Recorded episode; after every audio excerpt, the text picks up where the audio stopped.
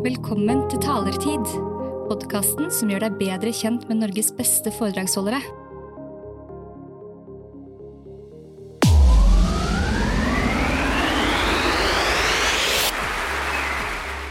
Wow. Linda Øie, du har jo en litt sånn rufsete bakgrunn, hvis vi kan bruke det uttrykket. Eh, Kan du fortelle litt om, om livet ditt fram til nå? Ja, det var jo Jeg har jo funnet at egentlig hele livet mitt er liksom fra til.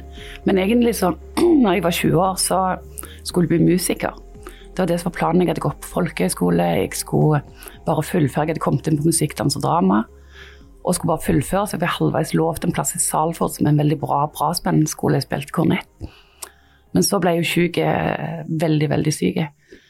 Um, mani er noe som jeg ikke heller visste hva var, men du blir kongen på haugen. eh, Motsatt av depresjon. Alle kjent på depresjon. Så kongen på haugen, uh, ukritiske, svidd av en haug med penger. og var telefonselger, som er ganske fantastisk når det er manisk. For det, jeg var månedsselger måned etter måned.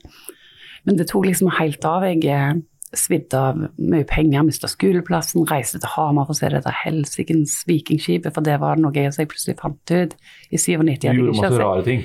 utrolig mye rare ting. Og så når du lander da Jeg hadde aldri hørt om psykisk helse. Jeg hadde hørt at de gallene var på dale, og, og hull i Jervedal og de tingene som alle, alle liksom hører.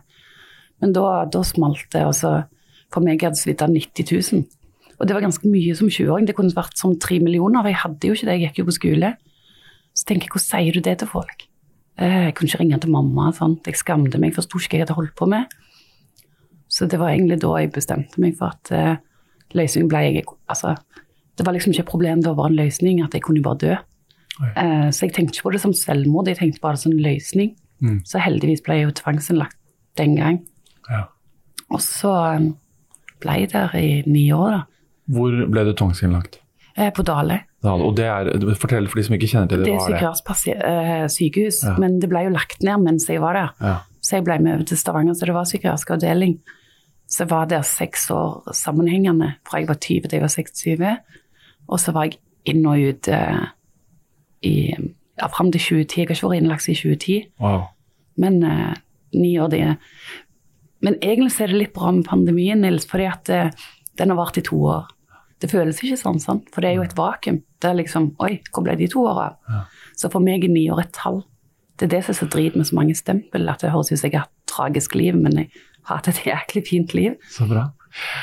De fleste har jo ikke vært på psykiatrisk institusjon, og i hvert fall ikke på lukket avdeling. Kan du fortelle kort, hva skjer når du er så mange år på en institusjon? Og hva, gjør, hva skjer på dagene? Ingenting. Så det er ingenting. Det er jo derfor det er et vakuum. Jeg ble veldig god på menyen, jeg ble god på turnusen til de ansatte. I begynnelsen så var det jo Altså jeg ble si jeg fikk mye spabehandling. Spa og spa og graver og graver. Sånn, så plutselig som 20-åring fikk jeg vite at livet mitt hadde vært et avvik. Ok. Eh, så jeg eh, Det var jo der jeg innså jeg, sånn, jeg begynte å synes synd på meg sjøl. Jeg eh, tenkte livet mitt hadde vært unormalt. Sant? Jeg, var, jeg er jo barnevernsbarn, eller eh, aldri tenkt over det, liksom, at det var annerledes. Eh, så, så som, jeg følte meg litt som en spennende historie i begynnelsen. Men når du, etter hvert når du har vært der i så mange år, så var det litt sånn Der er sofaen, der er Linda. Jeg var søkt inn på sånn langtidspost jeg skulle være resten av livet. Alle hadde gitt meg opp. Inkludert meg sjøl, kanskje. Mm. Så, så det var egentlig De la ned I begynnelsen var det aktivitetsavdeling. Jeg husker det var solarium eh, som Det var en del sånn eh, eh, husmødre som ble syke, da. Og de kom seg ikke ut på noen ting, men det var én ting de gjorde, og det var å ta solarium. Ja. Så jeg husker jeg spurte henne når jeg ble frisk før hun skulle utskrive så sa jeg hvordan, hvordan klarte du å komme deg i solariumet hver dag? Så sa jeg Melinda, det må jeg jo, for jeg må jo si til naboen jeg har vært i Spania når jeg kommer hjem. Ja.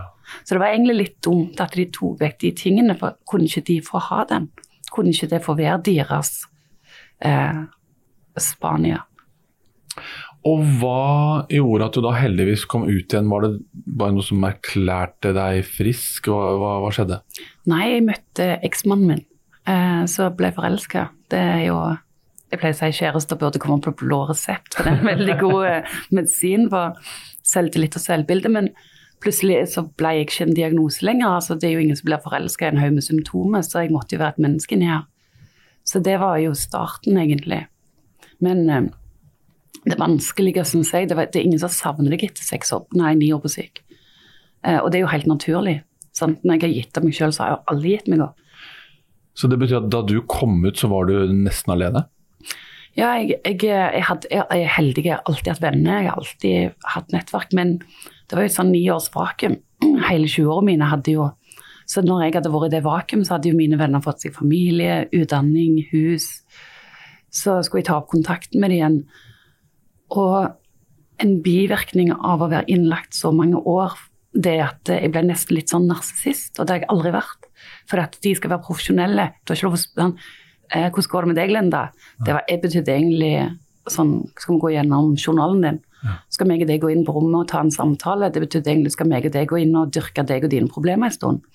Så jeg ble avlært av det. Så når jeg skulle snakke med barndomsvennene, så var jeg avlært å spørre. For jeg kunne ikke spørre hva du har gjort i helga. Eh, hva du har, har du unger? Altså, det var ikke lov å spørre om sånne ting, for de skulle ikke være private. Interessant. Så da ble det en Jeg måtte lære de sosiale kodene på nytt. Så egentlig så var det litt Det var egentlig det som ble litt starten på Fra offer til kriger, da. Jeg hadde en venninne som flytta til Hønefoss. Uh, hun hadde akkurat baby, og så var hun utdanna lærer og skulle bygge seg hus i Hønefoss. Og så ringte jeg til henne og så sier hun, Linda, ikke for å være frekk eller noe, men nå har jeg deg snakket nesten en time, og du har ennå ikke spurt hvordan det går med meg og mine. Så ble jeg så forbanna. Trenger ikke fiender med sånne venner. Og helsike ja, alt det stygge du kan heive på telefonen. Jeg gikk ned og la meg i senga, og så slo det meg helsike. Det er jo helt sant. Her hadde hun en baby som nå hadde blitt et år. Hun hadde begynt i ny jobb. Hun hadde bygd seg et hus og flytta til en helt ny plass i landet. Jeg hadde ikke spurt henne hvordan det gikk.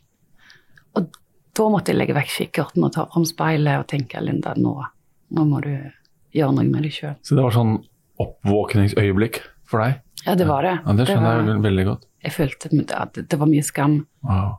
For det er mye makt i nå-forholdet. Ja. Folk er veldig redde for å si ting. Ja. Redde for å trø på deg. Si ting på feil måte. Så innså jeg liksom hvor mye folk egentlig har tatt hensyn til meg. Ja, sant? Jeg har stjålet barndom til lillesøster mi som er ti år yngre. Jeg måtte gjennom en hel haug med sorgprosesser, egentlig. Ja. Og skam. Eh, Men så bra at du hadde den gode venninnen som faktisk gjorde oppmerksom på det. For da ble jo det vendepunktet i, som du sier, i at du klarte å vende blikket utover. I dag så driver du et veldig spennende og interessant og viktig eh, prosjekt kan man kalle det, som heter 'Fra offer til kriger'. Um, fortell, hva er det? Det er jo det som ble ut av dette. Fordi at jeg så at det var ikke min psykiske lidelse som hindra meg i å komme tilbake. For jeg kom meg jo tilbake i arbeid. Eh, så var det ei som sa Linda, du mot alt vi lærer på skolen, du skulle ikke klart deg så godt, du. Så var det sånn, eh, takk, tror jeg. Men jeg vet jo hun mente det godt. Og så er jeg jo nerd, eh, så jeg, jeg så at det var ikke min psykiske lidelse som hindra meg, men det var at jeg ubevisst over tid gikk inn i en sånn offerrolle. Stakkar meg, lett for deg å si. Det var så mye avvikshåndtering at jeg begynte å definere meg sjøl som et avvik. Så tenkte jeg ok, så jeg opplever mer motgang enn et gjennomsnittsmenneske. Så sitter jeg her likevel. Er jeg da et offer? Nei. Jeg er en kriger. Så jeg lagde et tilbud jeg savna sjøl. For jeg tenkte når jeg har klart det, så må jo mange kunne klare det. Og, og hvis de ikke lærer det på skolen, så betyr jo det at det ikke fins. Så da lagde jeg et tilbud som fokuserer på offerrollen. Og, og ok, altså det er jo ting som er forbaska normalt. Du har hatt én feil for mye på en prøve en gang. Sant? Hvorfor et svar glemmer du aldri? Jeg vet 6 ganger 7 er 42. Det glemmer jeg aldri, men jeg har glemt de 49 riktige. Og sånn er vi jo, vi er oppdratt til å lete etter feil. Men når du da er så uheldig, eller hva ja, kall det hva du vil, at du havner inn i et system som framelsker avvikene og feilene, så glemmer du alt som er riktig. Mm. Så egentlig fokuserer vi veldig på når krigerne kommer til oss, vi driter i hva du feiler, hva du har gjort før diagnose, med mindre det har med skolearbeid å gjøre. Her er du, hva drømmer du om? Sånn møter vi alle. Og så er det jo de tøffeste av de tøffeste når du, når du tenker at alle ungdommene hos oss da har opplevd mer motgang allerede. Og fortell helt konkret hva, hvor lenge varer dette, hvor gamle er de, hva gjør de? Bare sett oss inn i hva, hva liksom prosjektet, tilbudet går ut på. Ja, vi, vi ble jo fem år den store lockdown-dagen. Eh, så det er litt okay. sånn story of my life. Sånn 12. mars 2020 satt jeg med jæklige kaker med fem år. så var det ingen som kunne komme. Plutselig hadde ingen lov til å komme og spise, så jeg hadde mye kake. Resten gikk til grisene. Ok, Så det startet altså i, i 2015? 2015, ja. Og så da var det kurs, og så ble vi tiltaksarrangør for Nav i um, 2019. Men jeg er veldig opptatt av altså, Det kan være tiltak å leve, men livet skal ikke leves på tiltak. Sånn at det, vi sier ikke tiltak, vi sier arbeid. Vi arbeid. Så Nav sender ungdommer til dere? Mm, De bestiller inn ungdom mellom 18 og og 30 år. Eh, vi har ikke rus, dere andre bedre enn oss. Eh, så lenge det er galskap, sier jeg, så, så de, de feiler ingenting, Nils. Eh, påført håpløshet, påført av skolesystem, traume og eller foreldre, faktisk. Eh, sånn at eh, vi holdt på som tiltaksarrangør i, siden 2019. Jeg har fem ansatte eh, og 18 krigere, så jeg har egentlig lederens ansvar for 23 mennesker hver dag. da. Så kommer de, kommer de til oss, og så jeg sier vi skal bli kvitt dere så fort som mulig, men hos oss er det bra. så de skal videre, da. Og hvor lenge tar det som regel før de går ut i andre enden som i en jobb f.eks.? Jeg skjønner at det er vanskelig et tydelig svar, men hva, snakker vi noen måneder? Snakker vi et år? Uker? Vi har en, vi har en tanke om at vi, vi skal ha et halvt år. Eh, De kan være hos oss opptil to år, men det handler om hvor er du, hvor skal du? Hva er det som bremseklossene? Så du skal ikke være lenger enn nødvendig, men, men uh, vi har en intern forståelse at hvis de er lenger et halvt år, så må vi kunne redegjøre og argumentere til de andre ansatte da. Hvorfor er de her ennå? Og hvis vi ikke vet svaret, så har vi gjort noe feil. Så, så det er noen som er lengre, men vi har en sånn gyllen regel på halvt år skal de være gjennom på. Og hva gjør de dette halvåret? Eh, Det, det for mange er jo på amerikanske tidssoner. De gamer og, Ja. og er litt sånn. Som, det handler jo mye om for rutine. De kommer på arbeid klokka ni. Da blir de henta på togstasjonen hvis de ikke får sove seg. Hvis de får sove seg, så må de gå. Um, så har vi frokost. Um, så har vi en arbeidsøkt hvor en lager benker for Respira-barnehagene eller sykler og restaurerer de. Uh, sveiseverksted hvor de lager kunst av skrapjern. Uh, jæklig mye talent, altså. Jeg tror du må være litt gal for å være kreativ. Ja, det har vi sett eh, eksempler på. Og så har vi en kafé som egentlig mitt opprør mot sosial angst. Eh, så, så har vi lunsj halv tolv, og så kjører vi ned igjen til toget. Noen trener tre dager i uka. Ikke jeg er jo lateste menneske du kommer til å treffe, men de var med Trolljegerprøven, og ja, de er helt rå. Noen trener tre dager i uka, og da legger vi det inn i arbeidstida. Fantastisk.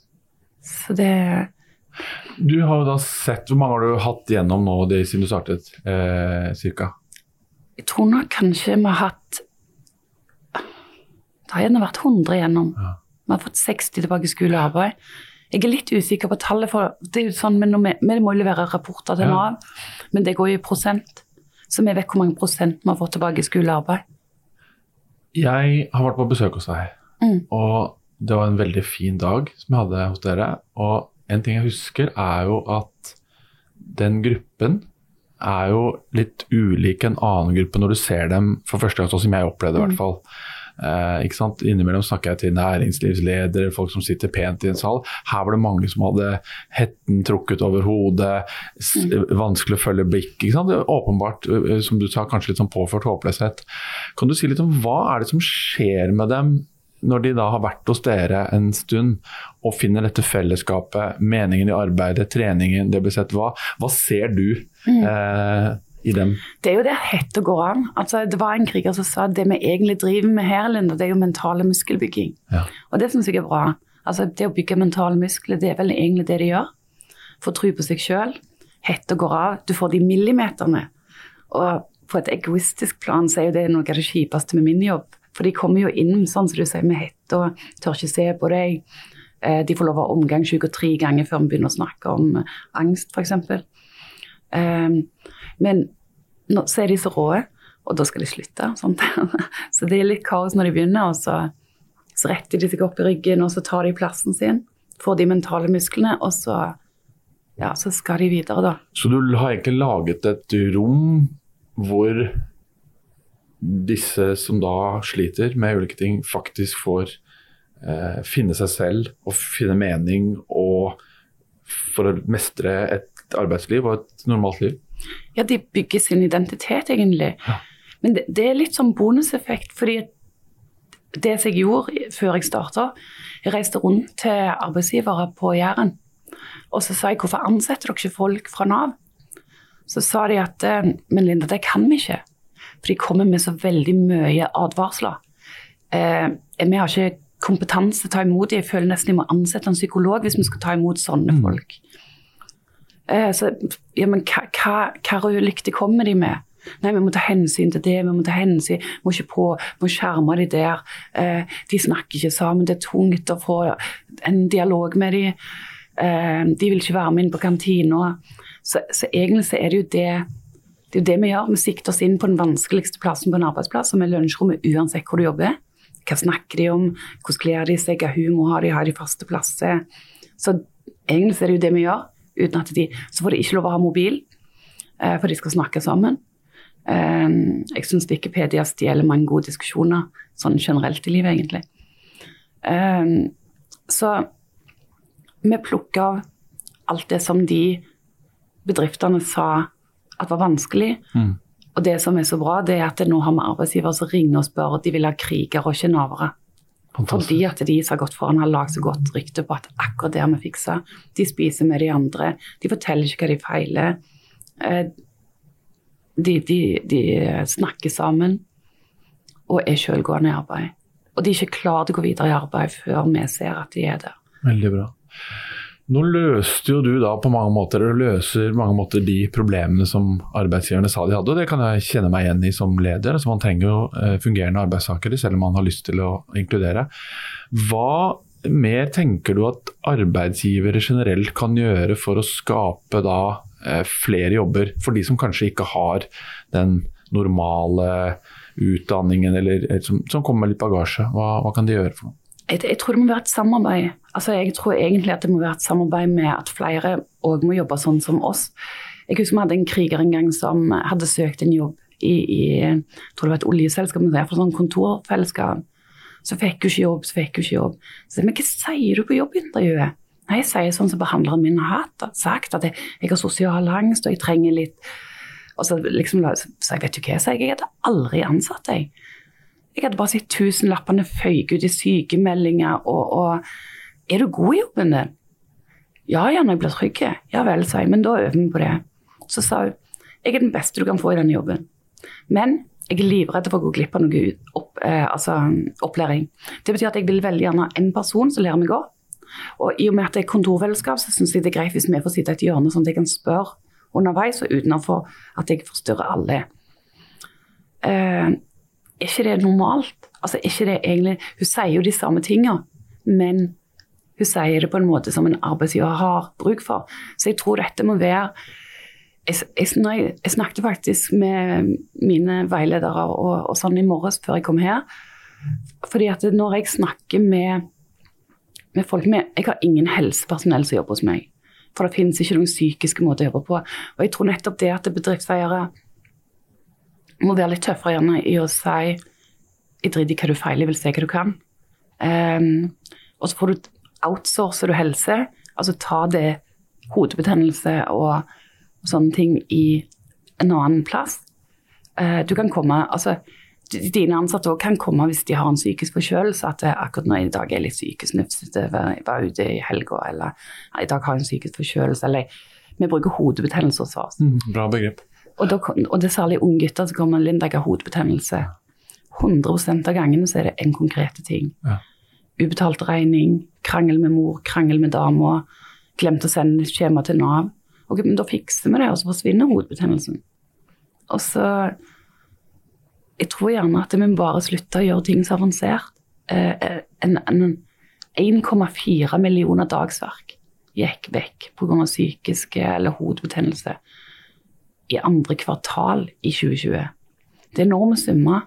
Og jeg tror hvis du fjerner skammen, så tar du vekk 80 av det fraværet. Så kanskje heller begynne å bruke menneskespråk i arbeidslivet òg. Ok, i dag er jeg psykisk forkjøla. Jeg er psykisk nufsa. Uh, Ja, For Du sa i stad at da du som 20-åring ble lagt inn, så var det på en måte ikke noe du kjente ikke til begrepet. Da må jeg spørre hvor lenge siden er det? Ja, det var i 1997. Nettopp. Det, du, det var ikke noe snakk om mental helse, psykisk helse osv. Hvordan opplever du temperaturen i samfunnet i dag for å snakke om eh, det at eh, man kan slite? Jeg tror vi snakker litt for mye om psykisk helse. Eh, det er jo et problem andre veien nå, syns jeg, da. Ja. Hvor en, en, en sykeliggjør friske ting. Så jeg, eh, jeg har veldig tro på å snakke om psykisk forkjølelse.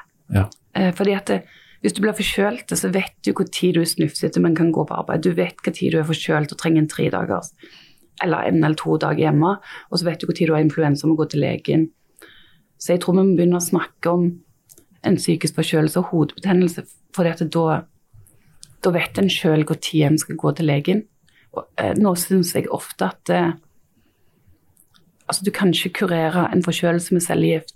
Og jeg er litt redd det er den veien vi går med samfunnet, at vi snakker så mye om psykisk helse og når ting egentlig er forbaska normalt. Det er helt vanlig å få De kaller det sosial angst, men har vi ikke kjent alle litt på den etter pandemien? At det er En blir litt sosialt mett, en må trene seg opp igjen.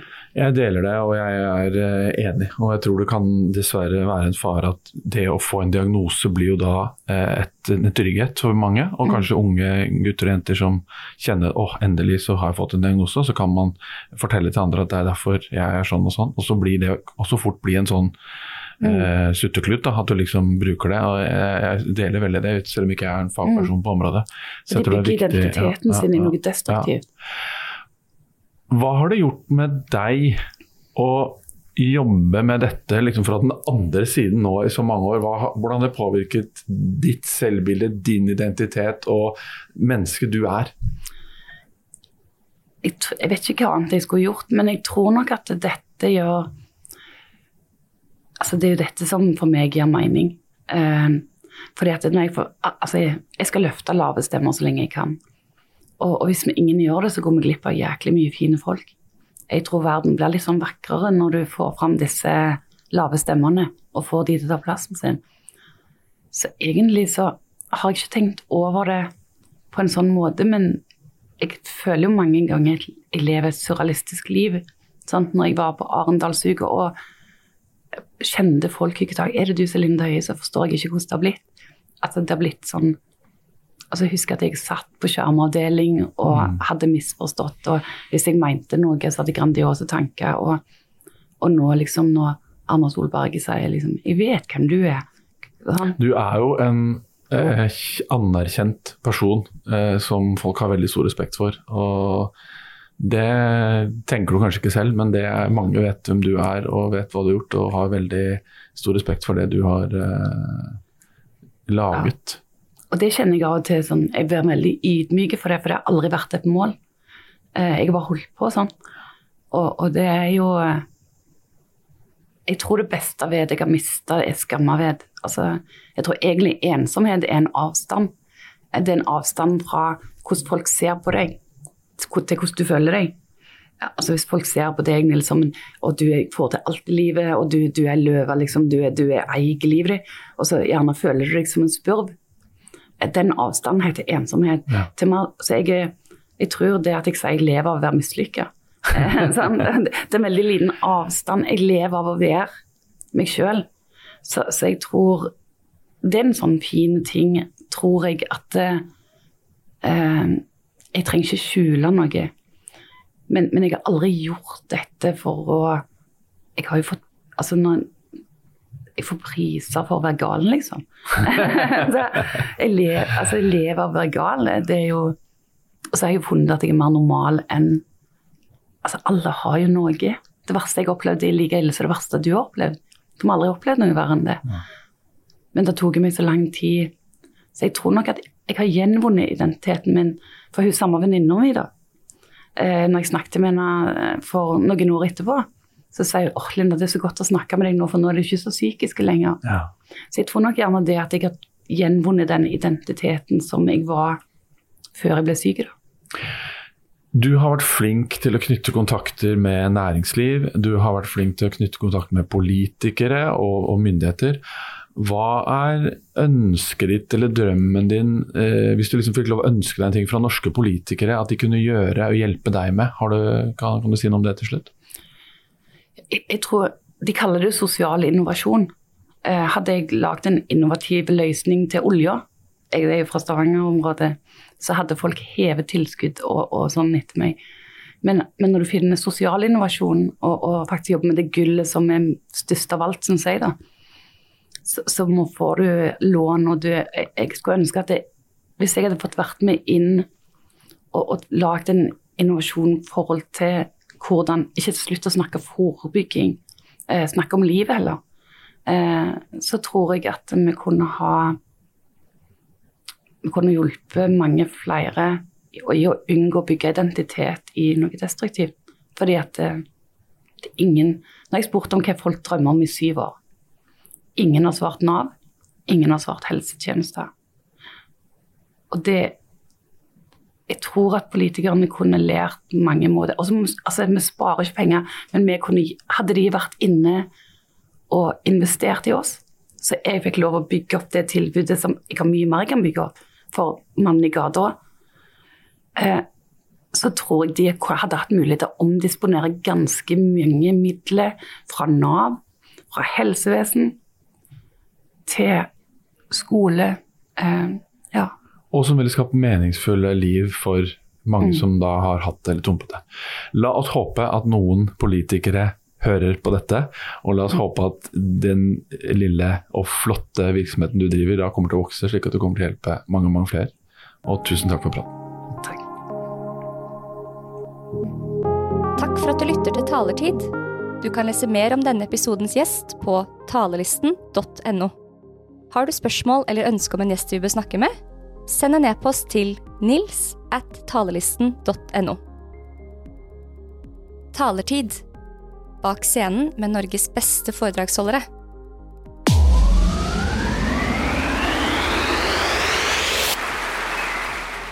Wow.